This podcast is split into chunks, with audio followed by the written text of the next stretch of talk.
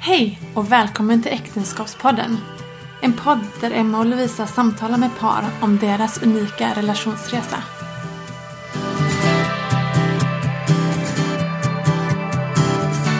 Hej och jättevälkomna Sussi och Thomas Arnefors. Tackar. Tack så mycket. Kul att ni vill vara med. Det är jättekul att vi får vara här. Ja, Verkligen absolut. Vilket Vi, hop- förtroende. vi hoppas att ni kommer tycka det när det är färdigt också. Det tror vi. ja. Eh, berätta lite grann om er. Vilka är ni? Vad gör Eh, ni? Ja, Susie heter jag då. Eh, nu är jag fotograf. Nej, men så jag har egen eh, firma i Sollentuna. Eh, porträttfotograf, alla möjliga, allt som har med människor att göra. Fotar. Mm. Och har väldigt nytta av att du är förskollärare. Det har, du jag nytta, ja, det har jag nytta av, precis, verkligen. Man får vara pedagogisk med, med vissa barn ibland. Så det är jag faktiskt jättetacksam för att jag har det i botten. Mm. Ja, sen så bor vi i Sollentuna i ett hus. Bott där sedan 96. Eh, Ja, jag är uppvuxen i Stockholm också så att eh, eh, ja, Stockholm har jag liksom alltid bott i. Men det var ett stort steg ju när vi skulle söka efter boendet 96. Mm. För du är uppfödd på Söder och nu Ja. för era lyssnare då som inte kommer från Stockholm. Mm. Liksom vadå, liksom, det spelar ingen roll. Jo, alltså är man från Söder så är det här, det, det Mm. var är, då tassemarknaden är det där uppe. söder liksom. Ja, precis. Men det sen flyttade vi till Uppsala några år. Och eh, sen så trodde inte jag att vi skulle flytta tillbaka till Stockholm. Nej. Eh, jag hade inga, jag kunde inte se så långt i framtiden. Nej. liksom. Men sen när vi väl skulle göra det i alla fall. Då, då kände jag bara att nej, men, det kan vara kul med något nytt. Så då blev det att vi testade norrsidan och det var jättebra. Där blir vi fast. Mm, ja, men det kan bero på att någon här i rummet är lite mer konservativ än vad jag är. jag kan röra Får på lyssna och mig. räkna ut själva vem du hånar nu. Ja, precis. Vem kan det vara? Och den hon hånar heter då Thomas. Eh, har också han passerat 50. Och eh, vi eh, kan vi konstatera det att man har varit med om lite ups and downs i livet. För tillfället eh, kan man ju då in, knappt säga längre, men i alla fall 15 år blir det nu. Så jag har sysslat med att försöka göra Sollentuna och Stockholms län bättre för dess invånare och företagare och alla. Som politiker de senaste åren som ansvarig har jag egentligen sysslat mer eller mindre på heltid med politik sedan eh, 15 år. Så det är liksom min vardag i mångt och mycket. Men dessutom så är det så att utöver då familjeliv så har ju Susie och jag och våra fyra barn en gemensam livspassion. Och det är ju det här med att vi, vi eh, tar emot utsatta barn som socialtjänsten behöver placera utanför barnets eventuella eh, biologiska nätverk. Och då, då ringer man sådana som oss och det gör man med en förödande regelbundenhet. Så det här är nu över 26 år som vi har hållit på med och vi har haft över 30 barn som har bott hos oss någon dag, någon helg, någon vecka, någon månad, några månader eller nu senast då. Den senaste lilla prinsessan som stannade i två och ett halvt år. Och som flyttade hem till sin biologiska pappa för drygt en månad sedan. Men fortsätter att komma till oss varannan helg. Som kontakt, eh, att vi är hennes kontaktfamilj. Och det här har jag bland annat släppt en bok om och dessutom så eh, är jag ute och föreläser om det ganska så regelbundet över hela landet. Där socialtjänster upplever sig behöva hjälp med att rekrytera nya jour och familjehem och nya kontaktfamiljer. Och socialtjänsten är jättebra på att förklara lagar och paragrafer och arvodesregler och bla bla bla. Men de är ganska risiga på att sälja in själva uppdraget. Och då släpper de upp en galning som mig på scen och så får jag köra all in i 90 minuter då. För att försöka få fler hushåll att säga det där vill vi testa. Så det var väl i en crash course i Ardenfors-familjen. Och sen har vi ju våra fyra e- egna underbara barn också. Precis, förstås. absolut. De ingår i paketet. Men 30 barn har ni haft Ja, lite under drygt. hur lång tid? Ja, 26 år var det nu den 26 26, 26 januari. Så vi är inne på det 27 året. Wow. Och det är lite speciellt faktiskt därför att vi har ju då eh, väldigt mycket handlar ju om att, att eh, tror jag i alla fall, att det är bra att man naturligtvis lever sina liv. Eh, så Sussie som fotograf, jag inom politiken och annat. Men sen tror jag att en familj mår bra av att ha gemensamma projekt. En del kan hamna i friluftsfrämjandet och några kan hitta i föreningslivet eller i en kyrka eller i idrottslivet och sådär. Va? För oss har vi en gemensam, en gemensamt arbete i just de här barnen. Och det är ju inte ett arbete i bemärkelsen någonting som vi bara, ah, usch vad tråkigt, utan tvärtom. Det är ju alla, alla sex familjemedlemmarnas gemensamma livspassion. Därför att även våra barn är ju mycket involverade i de här placeringarna och är idag våra absolut bästa assistenter och kollegor i familjehemsvården. Så så är det. Och lever vi och har hälsan har vi sagt, då kör vi minst 25 år till. För det här är ju det här är livet. Härligt. Vi kommer säkert tillbaks till det här men berätta också vart ni, eller hur ni träffades. You take it away honey. Eh, vi träffades genom en gemensam eh, kompis. eh, jag skulle på Michael Jackson-konsert i Göteborg den sommaren. När det var 88, sommaren 88. Jag är glad att du kommer ihåg det faktiskt, det är inte Ja. alltid du gör det. Nej, nej precis. det kommer jag ihåg. eh, I alla fall, och jag skulle dit en dag, det var ju lördag söndag så en av de dagarna skulle jag dit, hade jag köpt biljett till. Men eh, sen fick jag lite nya kompisar i kyrkan som jag gick med i. Och eh, då ville jag gå på den dagen som de gick. Så då köpte jag en ny biljett. Och det var väl lite meningen då, då för att när vi kom dit sen så, så dök han upp. Eh, han skulle ju träffa då min kompis Helene som var med, de kände varandra. Eh, och sen så var jag där också och eh, jag kände att jag hade väldigt ögon på mig hela kvällen där. Så vi åkte hem till någon kompis och drack te eller vad det var för någonting då. Mm. Och, och du bara tittade på mig hela kvällen. Så att, ja, ja. och jag var liksom inte inställd på det riktigt då sådär. Jag tänkte inte liksom att jag skulle träffa någon där. Och jag hade ju bara Michael Jackson i ögonen då. Förstås. Ja, såklart. Ja. Men sen så ringde du och sen så pratade vi hur mycket som helst i telefon på den tiden. Eh, jättemycket i några veckor. Idag ska man nästan säga att jag stalkade dig över telefon faktiskt. För att det var, jag var ju ringde konstant. Länge. Det var ju snudd på obehagligt förut kan jag tänka mig. Vad han, Nej, vad han det körde. var det inte. Nej men skämt åsido, men alltså det var ju väldigt tätt. Och Grejen var ju sen att, att eh, då visade det sig att Helen, eh, som också hade mycket kompisar i Göteborg, skulle komma ner till Göteborg under semestern. Och var, varken du eller jag hade några spe, speciella planer. Bägge hade lämnat förhållanden bakom sig precis och var singlar och hade ingenting inbokat. Så då övertalade jag ju faktiskt eh, Susie att åka ner till Göteborg. Eh, flyga ner på den här berömda hundralappen som var på den tiden. Man kunde flyga billigt inrikes om man var under 25. Det är bara det att vi hade ju bara träffats en gång, sen har det varit telefon. Det här var innan, kära ungdomar som lyssnar, innan Facebook Ja. och allt annat. Eh, så det var, ju, det var ju speciellt då. Eh, Ingen Facetime. Nej, ingenting sånt. Så att mitt problem när jag kom till Landvetter, för jag bodde i Göteborg då och Susie bodde i Stockholm, det var att jag kommer inte riktigt ihåg hur hon såg ut. inte jag heller. Hur långt var, tid var det Men det mellan lite- konserten och sommaren? Det var alltså ganska precis eh, en månad. Ganska precis en månad. Och då tänkte vi har bara träffats några få timmar tillsammans med massor av andra när jag då har glott henne eh, sönder och samman, liksom bara blivit helt eh, sådär jätteförälskad. Och sen då ska jag då hämta upp henne. Och, alltså jag, jag står och så kommer Stockholmplanet in och så kommer folk ner för trappan på Landvetter och liksom jag känner inte igen någon utav dem. Och står och fånstirrar på varenda tjej som är ljushårig. Liksom. Det var ju, det var ju nästan lite groteskt över alltihop. Så till slut så bara, nej nu har alla, hon kanske missar planet. Och kära ungdomar, det här var före mobiltelefonens tid också. Så att man, vad hur gör man liksom? När jag ska gå ut från Landvetter, och då har jag till saken att jag har en, köpt en röd ros. När jag går ut från Landvetter, då sitter det en vacker flicka på bänken utanför ankomsthallen och undrar samma sak. Jaha, han kanske inte kom. Och sen åker vi hem till Hagen som är då en del av eh, Göteborgs kommun ut mot havet till, mot Långedrag till. Och eh, sitter och pratar, pratar, pratar, pratar, pratar och alla våra kompisar går och lägger sig och blir trötta. Vi bara pratar, pratar, pratar. Vi pratar ju ner dem så att de går och lägger sig. Och så går vi ut på mina föräldrars altan och den första juli, strax före midnatt, så, så eh, möter våra läppar varandra för första gången.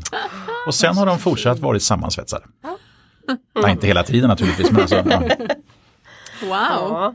vilken story. Ja, passion. Ja men det var, det var, det var speciellt, speciellt faktiskt. Väldigt speciellt. Vi har en bild som, för vi drog, efter några dagar i Göteborg drog vi upp till en konferens för de som kan kyrkvärlden som heter Lapplandsveckan. Eh, och bodde där i något logement och killogementet bodde jag och en kompis och Helena och du bodde på tjejlogementet.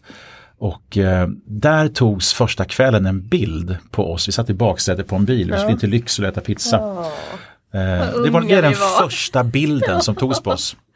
Då hade vi varit ihop typ tre dagar. Så den finns nu naturligtvis inramad hemma och har hängt sedan dess då, som ett tecken på den här.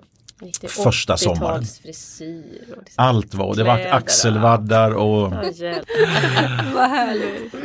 Men då, ni blev ihop där. Du bodde i Göteborg, du bodde i Stockholm. Mm. Hur funkade Ja. det? Ja, det var inte så jätteroligt. Men alltså, Nej. vi, ja, jag tror man flög väl Alltså jag minns inte. Nej, Det gjorde vi. precis. Eh, Alltså, så här, eh, alltså, det var en, en, en ganska kort tid. Ja, men det var jag, jag jobbar ju. då på reklambyrå i Göteborg och du jobbade som förskollärare. Men sen så hade jag ju känt, liksom, trots att jag hade ett jättekul jobb. Jag menar, reklambyråbranschen på 80-talet var inte tråkigt. Vare sig på, på lönekontot eller med liksom, allt som fanns runt omkring. Det var supercoolt. Men jag kände ändå liksom den sommaren att det var så mycket som liksom hände i mitt liv. Eh, Och jag träffade Sussi och dessutom så hade jag under längre tid känt mig sådär tom. Jag tyckte jag hade allting men ändå sa, hade jag ingenting. Träffade jag Sussi och sen hände det här som är jättesvårt att förklara men jag bara kände nej jag ska inte hålla på med att göra coola annonser och häftig eh, reklam och, och ge dig den coolaste slogan på din penna. Eh, Det är jättekul jobb. Jag kan verkligen gratulera den utav era lyssnare som är, jobbar i den branschen. Men jag kände bara, nej men det här var inte jag. Trots att det gick så bra. Utan jag, det slutade med att jag faktiskt landade i en liten kyrka på den västmanländska vischan i Köping. Just det året blev Köping utsedd utav, utav Jan Guillou tror jag det var, tror jag, rekordmagasinet, eh, till Sveriges tråkigaste stad. Vi som har varit i Köping kan mycket väl förstå det. Den är grymt tråkig. Och då flyttade jag på vinst och förlust upp dit och började jobba i kyrkan och, och, hjälpa ungdomar och jobba mycket socialt och sådär som jag verkligen kände var min grej. Och då blev det ju lite enklare. Därför att då kunde du ju faktiskt sätta dig i din morfars bil på fredagen efter jobbet och åka till Köping. Och, och, och jag Eller kunde ta liksom, tåget. Eller ta tåget. Och, och sådär. Så att, ja, det var liksom, det funkar.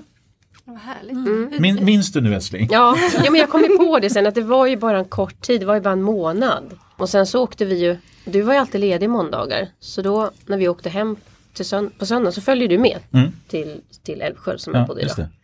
Så att, eh, Och så åkte var- jag hem till Köping på måndag kväll eller på tisdagen. Ja, Så då fick vi dels i Köping ihop Mm. där det alltid var en massa eh, möten och grejer. Men just måndag framförallt kväll. Mm. Det var liksom, Där började vi bounda. Mm. Och, och också där vi började prata väldigt mycket om liksom livet.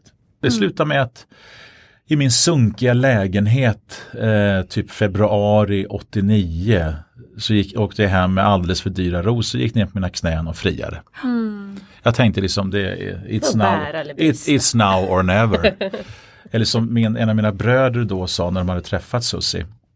Att, eh, för då var det så att deras storebror i det här fallet, jag då hade väl prövat mig fram lite grann på den här äktenskapsstyckesmarknaden om man får uttrycka mig försiktigt då. Både här och där och eh, det hade vi tyckt, mina, mina syskon hade tyckt att det var väldigt fan svårt att bestämma sig. Men när de hade träffat Susie så fäller Samuel en sån här helt fantastisk kommentar. För de var ju rätt uppgivna liksom. Så, Kom igen nu brorsan, träffa rätt någon gång. Och då säger Samuel så här, berättar mamma och pappa när vi har åkt sen. Ja, nu måste han hålla fast i Susie, hon är ju helt underbar. Annars så tar jag henne. och han var då typ tio år. Så det var helt, det var ju som Sussies ingång också i, eh, i vår familj. ja. Det var en Ja, det var fantastisk det. ingång. Jag fick inte bara dig, jag fick hela familjen. Helt underbar. Ja. Svärföräldrar och alla syskonen. Det, alltså de, de är så, står mig så nära. Mm. För annars var det ju två världar som möttes. För menar, jag då är, jag är uppväxt, mina, jag är nästan född på första bänken kyrkan. Så det var ju mitt liv. Mina föräldrar jobbade i kyrkan och farföräldrar var engagerade i kyrkan. Och, och morföräldrar och allting. Det var, ju, det var ju präster och prelater så långt ner du kan komma liksom i, i allt. Och alla, på bredden och tvär, tvären och överallt. Men du då som kom från en helt annan värld. Och det var ju det var rätt kul, speciellt då, då jul, mellan jul och nyår 89, när, vi, när jag då hade friat och vi skulle gifta oss året efter. Så åker dina föräldrar ner till Göteborg för att de måste ju träffas innan. Ja. Ja. Och se hur de världarna möttes. Alltså min pappa då som liksom, ja, sitter där och läser ordet och sjunger segertoner och det här.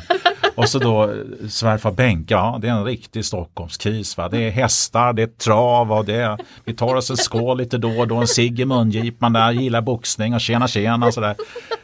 De två, de är väldigt goda vänner idag, men alltså när de möttes, alltså det, det hade varit en poddserie kan jag säga. Helt underbart. Vad ljuvligt. Och de fann ju varandra. Ja, ja, absolut. Men ni gifte er sen? Ja. Juni. 9 juni. Ja, hon satte den. Tack, jag har, har det på band. Det var en härlig dag. Ja, precis. Och det, det var också lite sjukt, alltså inte att vi gifte oss, det är det bästa vi har gjort, men naturligtvis, men eh, tre veckor innan så har vi haft en jättestor ungdomsaktivitet i Köpen. Jag har jobbat hela natten och så upp till gudstjänsten på söndag förmiddag. Och så hade jag glömt att tvätta så jag fick låna tvättmaskinen hos några kompisar som bodde då i en gammal kyrka i en annan del av Köping. Och skynda mig hem dit efteråt och är helt slut och är som bara och ska ner och byta tvätt i tvättstugan då tre veckor före. Och snavar på en tröskel. Och det är en sån här gammal stentrapp rakt ner. Så jag vaknar på Köpings lasarett.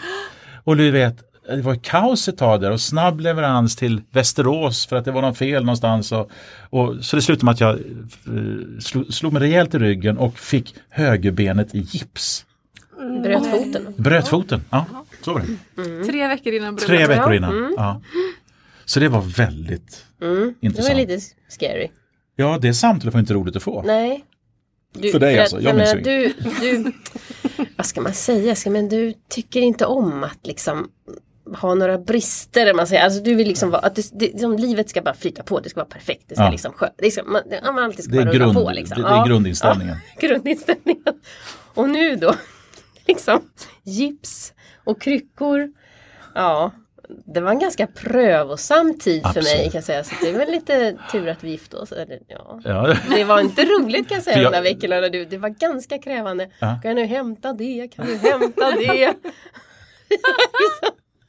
Det var speciellt. Men jag kommer ihåg att jag i alla fall tvingade läkaren att ta bort gipset dagen innan vigseln.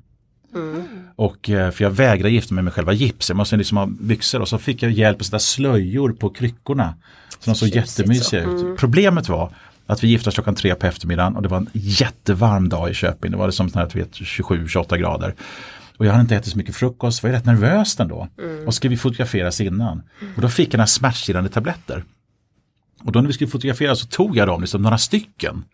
Vad jag inte hade fattat det var ju då, det kallas för triangel på den tiden, att de här skulle du bara ta någon, du får inte köra bil med dem. Det hade inte jag koll på, jag hade aldrig ätit sådana tabletter förut. Så jag tog några stycken, på och så lite vatten. Det var bara det att jag blev så omtöcknad av dem. Så jag har ju väldigt vaga minnen utav min egen vigsel. Jag var egentligen hög som ett höghus. Så tittar du på bröllopsbilden i vårt vardagsrum så mina ögon står som sladdlampor. Så jag är bara så här. Helt bara... "Ah!" Så tack och lov i det här finns, så finns min vigsel, eller vår vigsel på, på videokassett.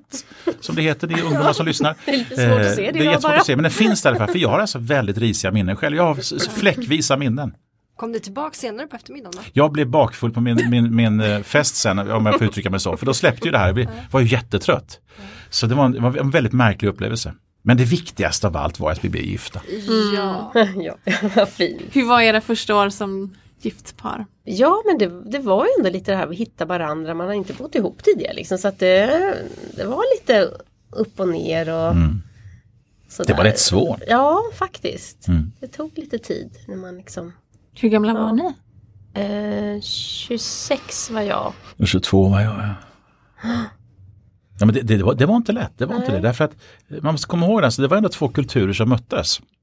Även om vi bor i samma land och allting så var vi så olika uppväxt, så olika syn på saker och ting i grund och botten. Så även om vi, alltså, när vi träffades så var det, då var det en centrifug som jag levde i. Det var ju aktiviteter jämt. Så vi hade ju egentligen alldeles för få timmar att vara själva. Det var nästan alltid folk runt omkring. Och det är ju kul naturligtvis, men det är inte smart. Utan, utan det- de första åren var egentligen, jag tycker du säger det helt rätt, det var, vi fick, liksom hitta varandra lite grann. Vem gör vad? Eh, men allt ifrån matlagning till disk till liksom allting. Så eh, jag kan nog säga, även om det var mycket härligt de första åren, underbart, vi flyttade till, eh, till ett radhus utanför Uppsala som vi älskade att bo i. Fick många fina vänner och sådär. Så, så var det ändå liksom, det var... Vi hade ju jätte, liksom, man hade ju jättekul. Det var ett kul liv. Så. Men absolut. men, men som sagt det var ändå ja. det var inte självklart, att det krävde sitt jobb. Och det är det som jag ibland kan tycka att en del människor glömmer bort. Att ska du få ett äktenskap att fungera på lång sikt så finns det inget, inget självklart knep. Men vad vi kan säga det är i alla fall att, att eh, du måste vara beredd att investera väldigt mycket tid. Så att man förstår varandra, inte att man alltid tycker likadant för då tycker jag att det blir rätt tråkigt. Men däremot att man förstår varandras bevekelsegrunder, varför gör man som man gör? Och ibland också inse att jag kommer aldrig kunna ändra på den saken hos henne. Hon är sån. Och, och omvänt, han är sån. Liksom. Det, det är bara att bita ihop. Eh, därför att i grund och botten älskar man varandra och man känner att man har så mycket ihop och så vidare. Och det viktigaste här kanske ändå var att det var ju den här perioden som vi pratade mycket om, vad är det för liv vi vill leva? Och kom fram till att men vi kan inte ha det så här bra för oss själva. Då föddes tanken innan vi hade egna barn då, om att vi skulle ta emot utsatta barn. Och det var liksom det på något sätt, där kan man säga, där kom vi upp på nästa nivå i vårt äktenskap. Att vi fick en gemensam mission. Du kunde jobba på med dina tyger som du jobbar i en tygaffär. Jag kunde jobba på i kyrkan. Men vi hade också någonting gemensamt som inte var tygaffären eller kyrkan utan som var vår gemensamma uppgift. Och det var nog, för oss kom det helt rätt. Ja men då mognar man ju ihop liksom mer också. Mm. Och ser också hur man kan tillföra olika saker. För menar, Susie och jag har ju blivit väldigt ett i uppdraget men vi är väldigt olika i uppdraget. Man ser sakerna på så olika sätt. Men vi känner också att vi tillsammans blir ju bättre än om vi är var för sig. Och det har vi nytta av idag också då, därför att vi har ju roligare idag än vad vi hade när vi träffades. Och det är inte helt vanligt efter 30 år. Ja, Det känns ju nästan som två olika liv. Ja, tycker jag. ja, absolut. Liksom de första åren som nygift och nu. Mm. Det, det är som att vi är olika. Ja, ett annat liv i olika människor. Absolut, Ja, så är det. Helt, Men ni bestämde ganska tidigt då i ert äktenskap att hjälpa andra. Mm. Var det en tanke som ni kom på tillsammans eller hade ni det var för sig innan? Alltså, jag hade väl Alltså jag hade haft så mycket kontakt med min släkt när jag var När jag var liten, när jag bodde hemma. Eh, de betydde väldigt mycket för mig så jag var väldigt mycket hos dem. Jag var hos min morfar typ varannan helg. Jag var hos eh, faster och farbror och moster och, Alltså jag var hos farmor och farfar. Jag var jättemycket hos dem. Eh, kanske, jag hade inte kanske sådär jättehundra bra hemma med mina föräldrar. Det var inte alltid att vi klickade sådär jättebra. Så att, då, så att min släkt betyder jättemycket för mig. Eh, så att det har väl blivit på något sätt att man känner att så mycket hjälp som jag har fått så vill jag på något sätt undermedvetet föra det vidare, hjälpa andra med. Så att jag förstod att det är faktiskt fler som har det. Kanske inte har det så bra hemma. Så att det, det var lite det och det klingade ihop väldigt bra med din uppväxt. För du har ju i din släkt har ju du de som jobbade som, Ja. som familjehem. Jag har min faster, hon är ju en väldigt förebild för mig, Riggan. Eh, hon och hennes förre man tog emot barn under flera år så att jag var ju van vid att ha alltså, extra kusiner som dök upp. Eh, då bodde vi dessutom i samma stad i början då, Riggan och mina föräldrar och jag. Så att, de, de blev ju verkligen som extra kusiner. Och där formades också någonting. Och, men sen ledde det också till att du sitter i ett radhus på typ 104 kvadrat. Du har mat i kylen, du har en bil som funkar. Du är inte rik men du har ändå så du kan unna dig lite grann av livets goda. Och där föddes ju väldigt mycket av vad som är en djup värdering som Susie och jag dels lever efter själva, försöker få våra barn att leva efter, försöker också påverka andra att leva efter. Det är nämligen att ställa sig frågan, men ska vi ha det här för oss själva? Eller kan det vi har medverka till att vi kan hjälpa andra? Och det har liksom styrt oss och kommer att styra oss under hela livet. Vi har aldrig brytt oss om liksom det här med hur ser bankkontot ut. Vi har aldrig brytt oss om vad har du för titel. Vi har aldrig brytt oss om, eh, försökt i alla fall inte bry oss om vad tycker folk om dig eller vad du gör. Utan vi har bara haft fokus på det här vad vi känner är när vi sluter våra ögon en dag och, och ser tillbaks liksom på vad levde vi för liv? Då kommer vi kunna säga att vi har levt ett fantastiskt liv med massor av ups, massor med downs. Men framför allt så har vi gjort nytta för enskilt utsatta människor. Och det, om, om, om, om det inte är någonting annat som syftet var för oss att trampa runt på jorden, då är det faktiskt det. Då. Det kanske är mer också, men, men det, är, det är vårt arv som vi lämnar efter eh, i vårt äktenskap och till våra barn och förhoppningsvis då till massor med människor i Sverige att du kan faktiskt med ganska enkla medel i form av din tid medverka till att en utsatt person faktiskt får ett helt nytt liv. Alla sunda, vanliga svenska människor kan göra det. Så så börjar det. Fantastiskt. Hur, eh, då får ni barn som kommer till er Ja. och som bor hos er olika långa perioder. Kan ni se att, att vara fosterföräldrar om det är det ni vill kalla er eller inte, vet inte. Eh, hur har det påverkat er relation? Hur har ni behövt jobba kanske mer eller på ett annat sätt om man inte hade haft fosterbarn? Alltså jag tror att det har fört oss samman mycket tajtare med att man har haft det här uppdraget ihop. För att Annars vet jag inte liksom. För det känns det har känts som en liksom mer större mening med livet att, och ett fantastiskt förtroende att få ta hand om andras barn. Mm. Eh, att annars hade, jag vet inte vad vi hade gjort annars känns som. Nej, men jag, jag tycker Nej, det eh, har nej, fört precis. oss samman mycket tajtare liksom. Och det är ju ingen värdering mot de som inte gör det, men man har olika Nej, lägen i livet. Utan, utan för oss så var det som vi har kommit fram till det, det här Ja. är vårt liv. Så jag, jag håller med Susie, alltså det, här är, det här har fört oss samman helt klart. Men vad vad vi också varit noga med, det är ju alltså att inte bara ha de här uppdragen utan också försöka ha kul. Eh, speciellt när barnen var små. Därför att vi fick vår första placering 1994 i januari. En flicka som skulle bott varannan helg och som sen flyttade hem till oss under två år på heltid. Rätt omtumlande. Jag var 27, flickan som kom var 14. Det var, det var jättetufft. Bli tonårsförälder när du är 27 år till en aldrig har sett. Det spännande var att Susie i den vevan blir gravid. Och det var inte helt enkelt om man säger så. Där har man alltså en gravidiserad fru hemma och dessutom ett tonårsbarn du knappt känner. Den kombon kan jag säga, wow! Lite speciell och det var inte helt lätt för oss heller. Men sen i takt då med att barnen blev fler hemma hos oss, våra egna barn blev en, två, tre, fyra, så försökte vi vara duktiga med att åtminstone lite nu och då åka iväg om så bara en kväll. Bara för att sitta och prata. Alltså vi pratar, pratar, pratar, pratar, pratar, pratar. För det, när man har små barn så är min erfarenhet och vår erfarenhet det är att det är nästan alltid då som man tappar relationen. För det är så mycket vardag hela tiden så att du glömmer bort det där passionen, relationen. Och det, har, det tror jag har hjälpt oss jättemycket att vi har gjort det där, vi har investerat i det. Det är inte alltid man ens haft råd egentligen, man tyckt nej men vi måste i alla fall göra, vi måste åka iväg åtminstone en kväll och hitta någon pizzeria i sådana fall och äta en pizza i två timmar. Bara för att få komma ifrån. Därför att om du inte bygger den relationen under småbarnsåren, då tror jag ändå att risken ökar när barnen sen blir större, där vi är nu.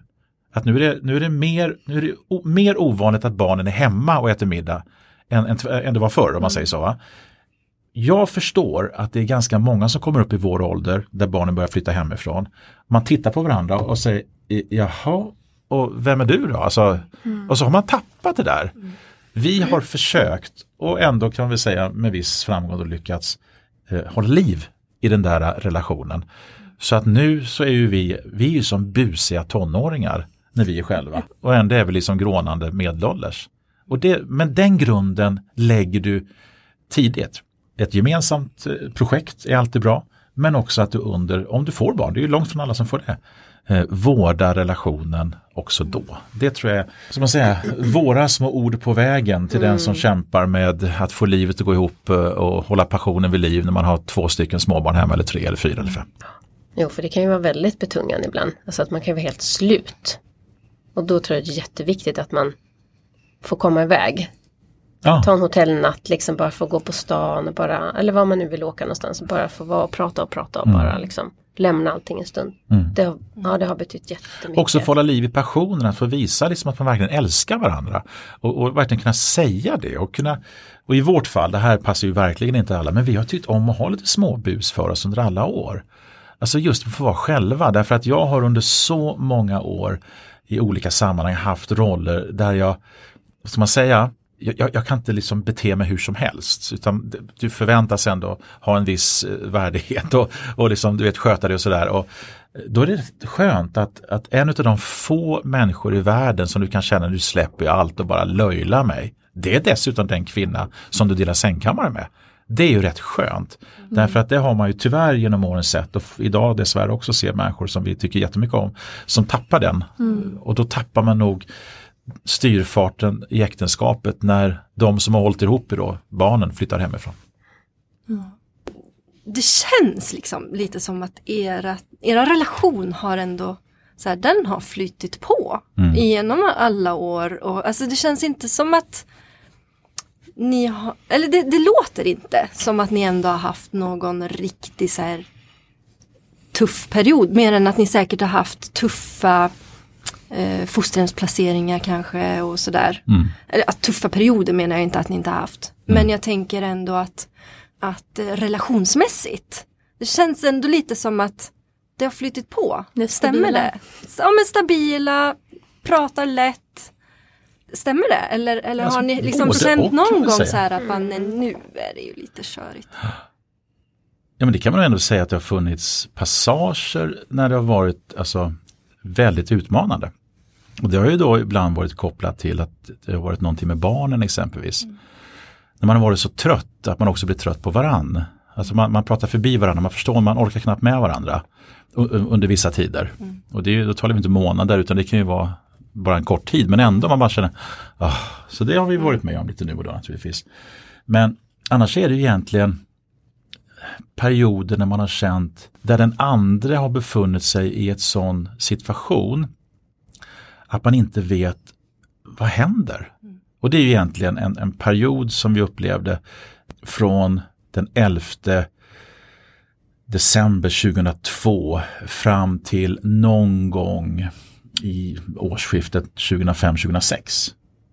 Så det var en ruskigt lång tid. När, mm. när alltså, det var jordbävning efter jordbävning efter jordbävning som också naturligtvis gjorde att förhållandet inte skakade vad gäller kärleken på det sättet men man visste inte vad i hela friden händer. Mm. Och 2002 innebar det att våran då, vår, vår yngsta dotter, fyra månader var ju minuter från att dö. Mm.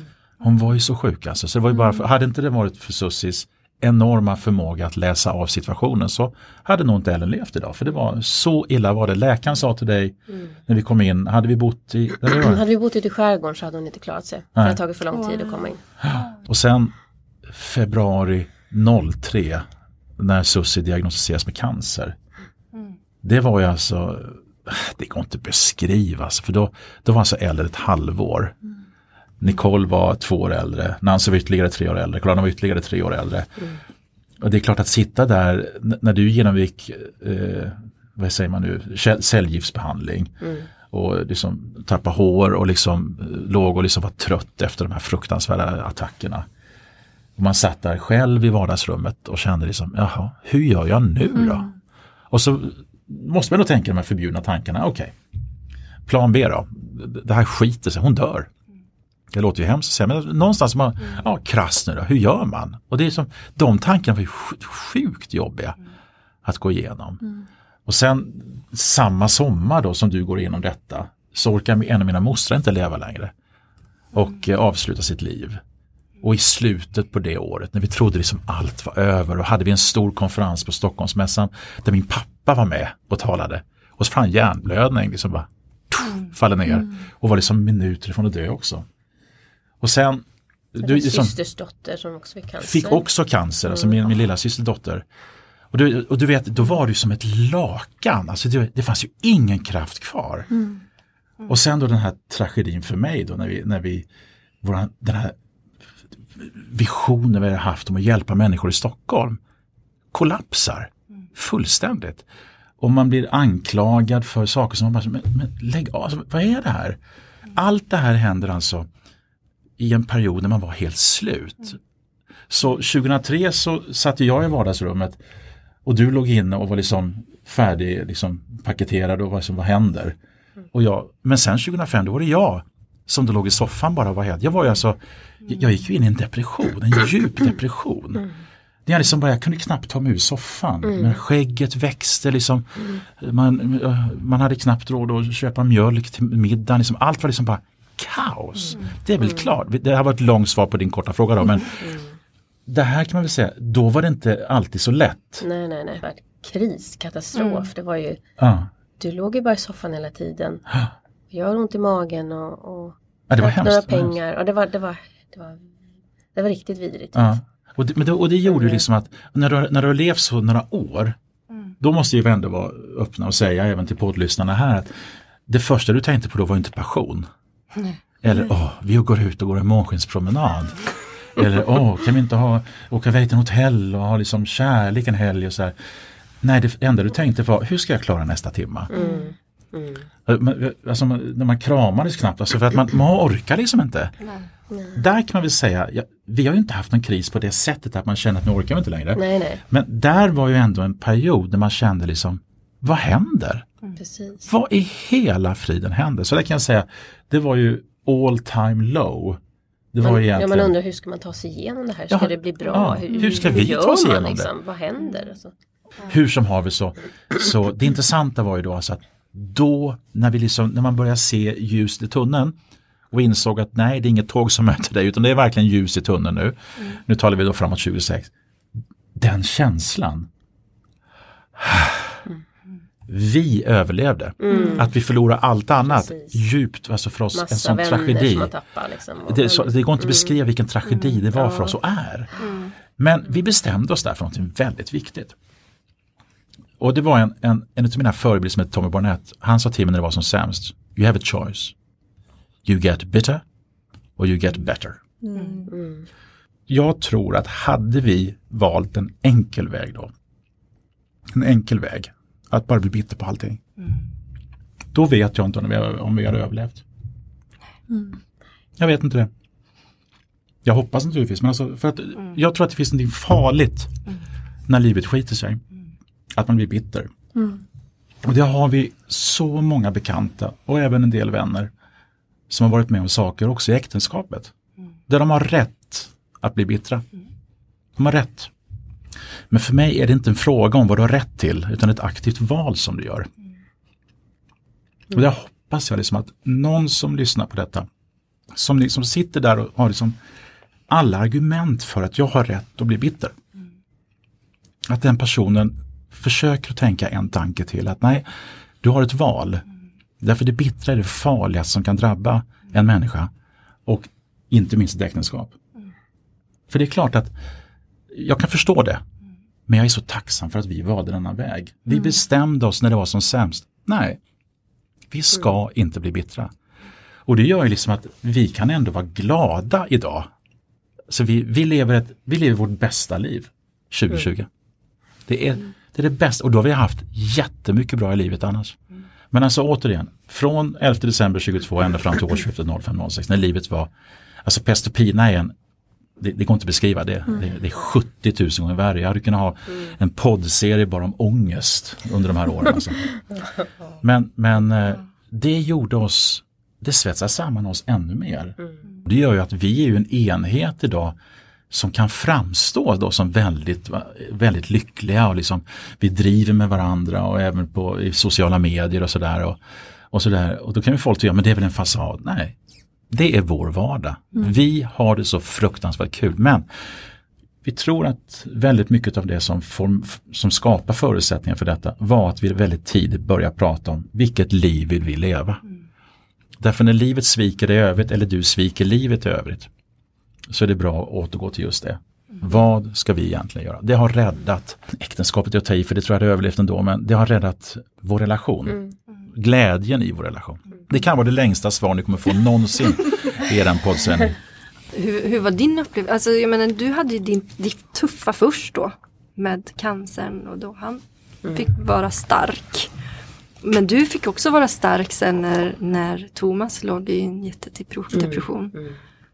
Alltså... Jag tror man blir det liksom. Mm. Alltså, den som står bredvid är ju egentligen den som mår sämst. Mm. Oftast är det ju så. Mm. Men det, det, var ju hemskt att se dig ligga där i soffan. Mm. Man hade barnen som tur var som gav en liksom glädje då. Och där, du, du, du, du gjorde ju allt under en ganska lång tid. Jag var ju, ja. helt, jag var ju oduglig. Ja. Alltså städning eller mm. mat har jag aldrig kunnat laga men alltså jag, jag, jag bidrog inte med någonting nej, under nej, månad efter månad efter månad mm. efter månad efter månad. Skjutsningar och hämtningar och liksom, ja men det var Ja det är otroligt att man, man tog sig igenom allt det där. Mm. mm. Och där kan man se hur man som makar då kan, kan stötta varandra i jobbiga tider och lyckas du ta dig igenom det med all respekt för de som, som då inte lyckas med det. Och det beklagar man ju djupt och lider med, med de, de personerna med, in i hjärteroten. Men det kan man ju säga att om man lyckas ta sig igenom det och bestämma sig för att nej, vi väljer ingen bitter väg eller vi ska göra det här ännu bättre nästa gång och vi ska svetsa samman ännu mer. Då hamnar du i ett läge där vi då är nu och har varit då i ganska många år nu då, där man känner att fortfarande finns det mycket utmaningar i livet. Det är inte en vardag som är enkel alltid, men vi trivs ihop. Mm. Vi har kul ihop. Så ikväll tänker jag liksom att vad är liksom en slagerfinal eller vad är en kväll på stan med grabbpolarna eller vad är en konferensresa till, till Cannes och möta solen jämfört med att hänga med Sussi ikväll i Häggvik. Det är, det slår ju mötet med henne allting. Oj, oj, oj. oj. Wow, det är bra. Jag lägger upp det snyggt nu, eller hur? Det. Precis. Det är en resa som jag inte önskar min värsta ovän. Men på något märkligt sätt så lärde vi oss så mycket av detta. Så att Det känns plaskigt att säga liksom att "Ah, jag skulle inte vilja ha en ogjord heller. För det vill jag ju egentligen ha en ogjord. Men ändå så kan jag ändå känna en tacksamhet för allt man lärde sig under den processen. Om, om vänskap, vad betyder det egentligen?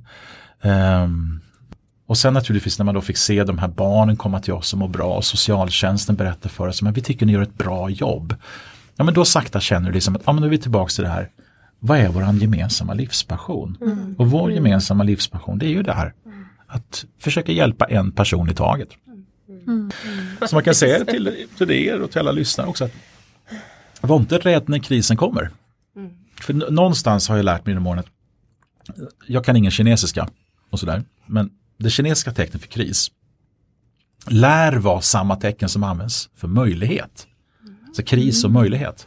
Nu säger inte jag att alla kriser per definition måste vara en möjlighet då, men om man ser på krisen och problemen som att det här kan återigen vara en, en, ett tillfälle för, i det här fallet utifrån er podd och som, som partners eller som makar att smälta samman ännu mer. Om man, om man ser det så, så är krisen fortfarande jobbig. Men den kan också, vi känner i alla fall, Susie och jag, att vi har lärt oss så mycket av detta. Att vi står ju stadigare på jorden och stadigare tillsammans idag än vad vi har gjort någon gång tidigare. Eh, naturligtvis tack vare liksom varandra och, och våran tro på Gud och våra underbara barn och alla våra släktingar och vänner. Men också att vi har tagit oss igenom kriser.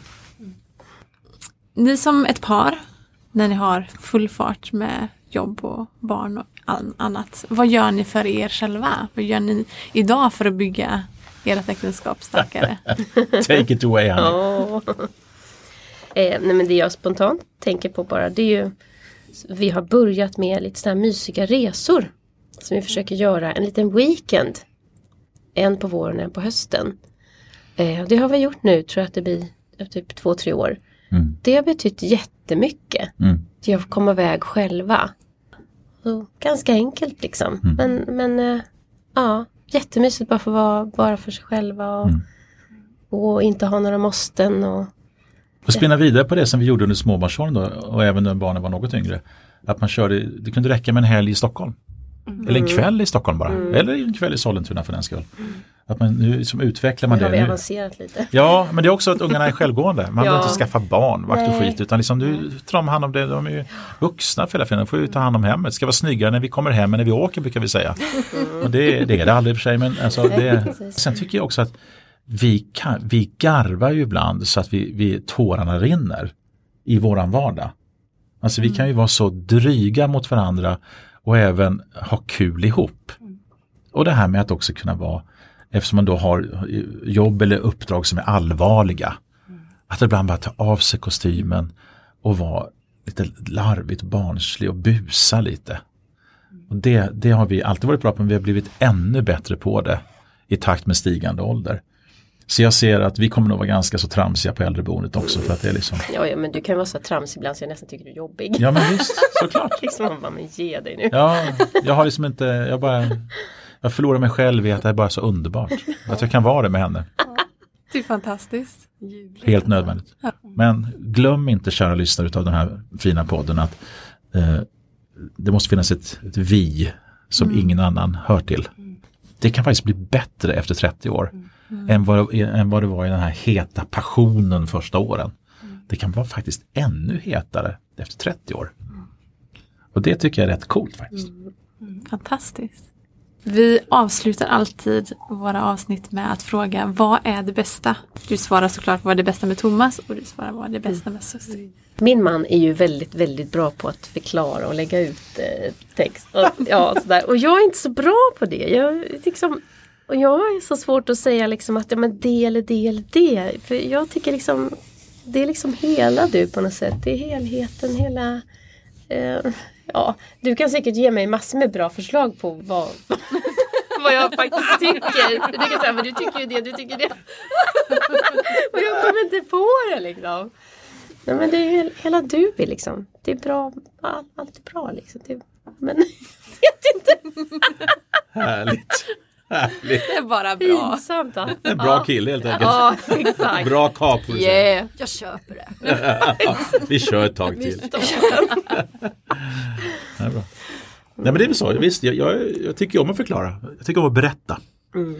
Men det jag berättar bygger på en vardag. Självupplevt. Och den vardagen skulle aldrig funka om inte det fanns en Susie. Så hon bygger den vardag, för hon är matriarken hemma hos oss.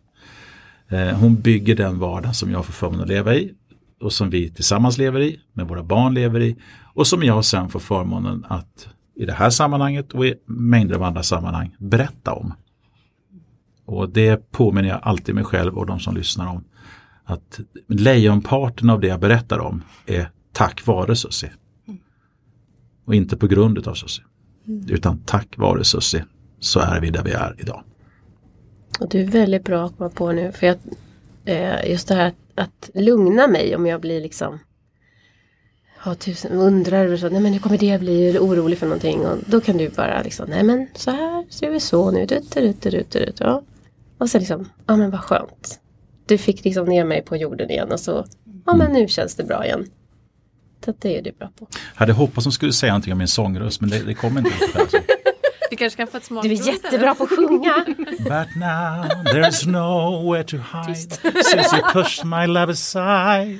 Åh nej, nu blev, det, nu blev det lite för mycket. I'm hopelessly devoted to you. But now there's no... Bryt. Underbart. Fantastiskt. Tusen, tusen tack. Tack för att vi fick komma. Ja, tack för uh, förtroendet Mm. att, att ni berättar. Mm. Det är.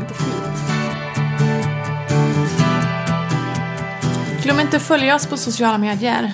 Äktenskapspodden på Instagram. Och har ni några frågor eller något ni vill säga så mejla oss på aktenskapspodden snabelaggmail.com. Och självklart, för att ha koll på nästa program som kommer ut, tryck på prenumerera. Hej då!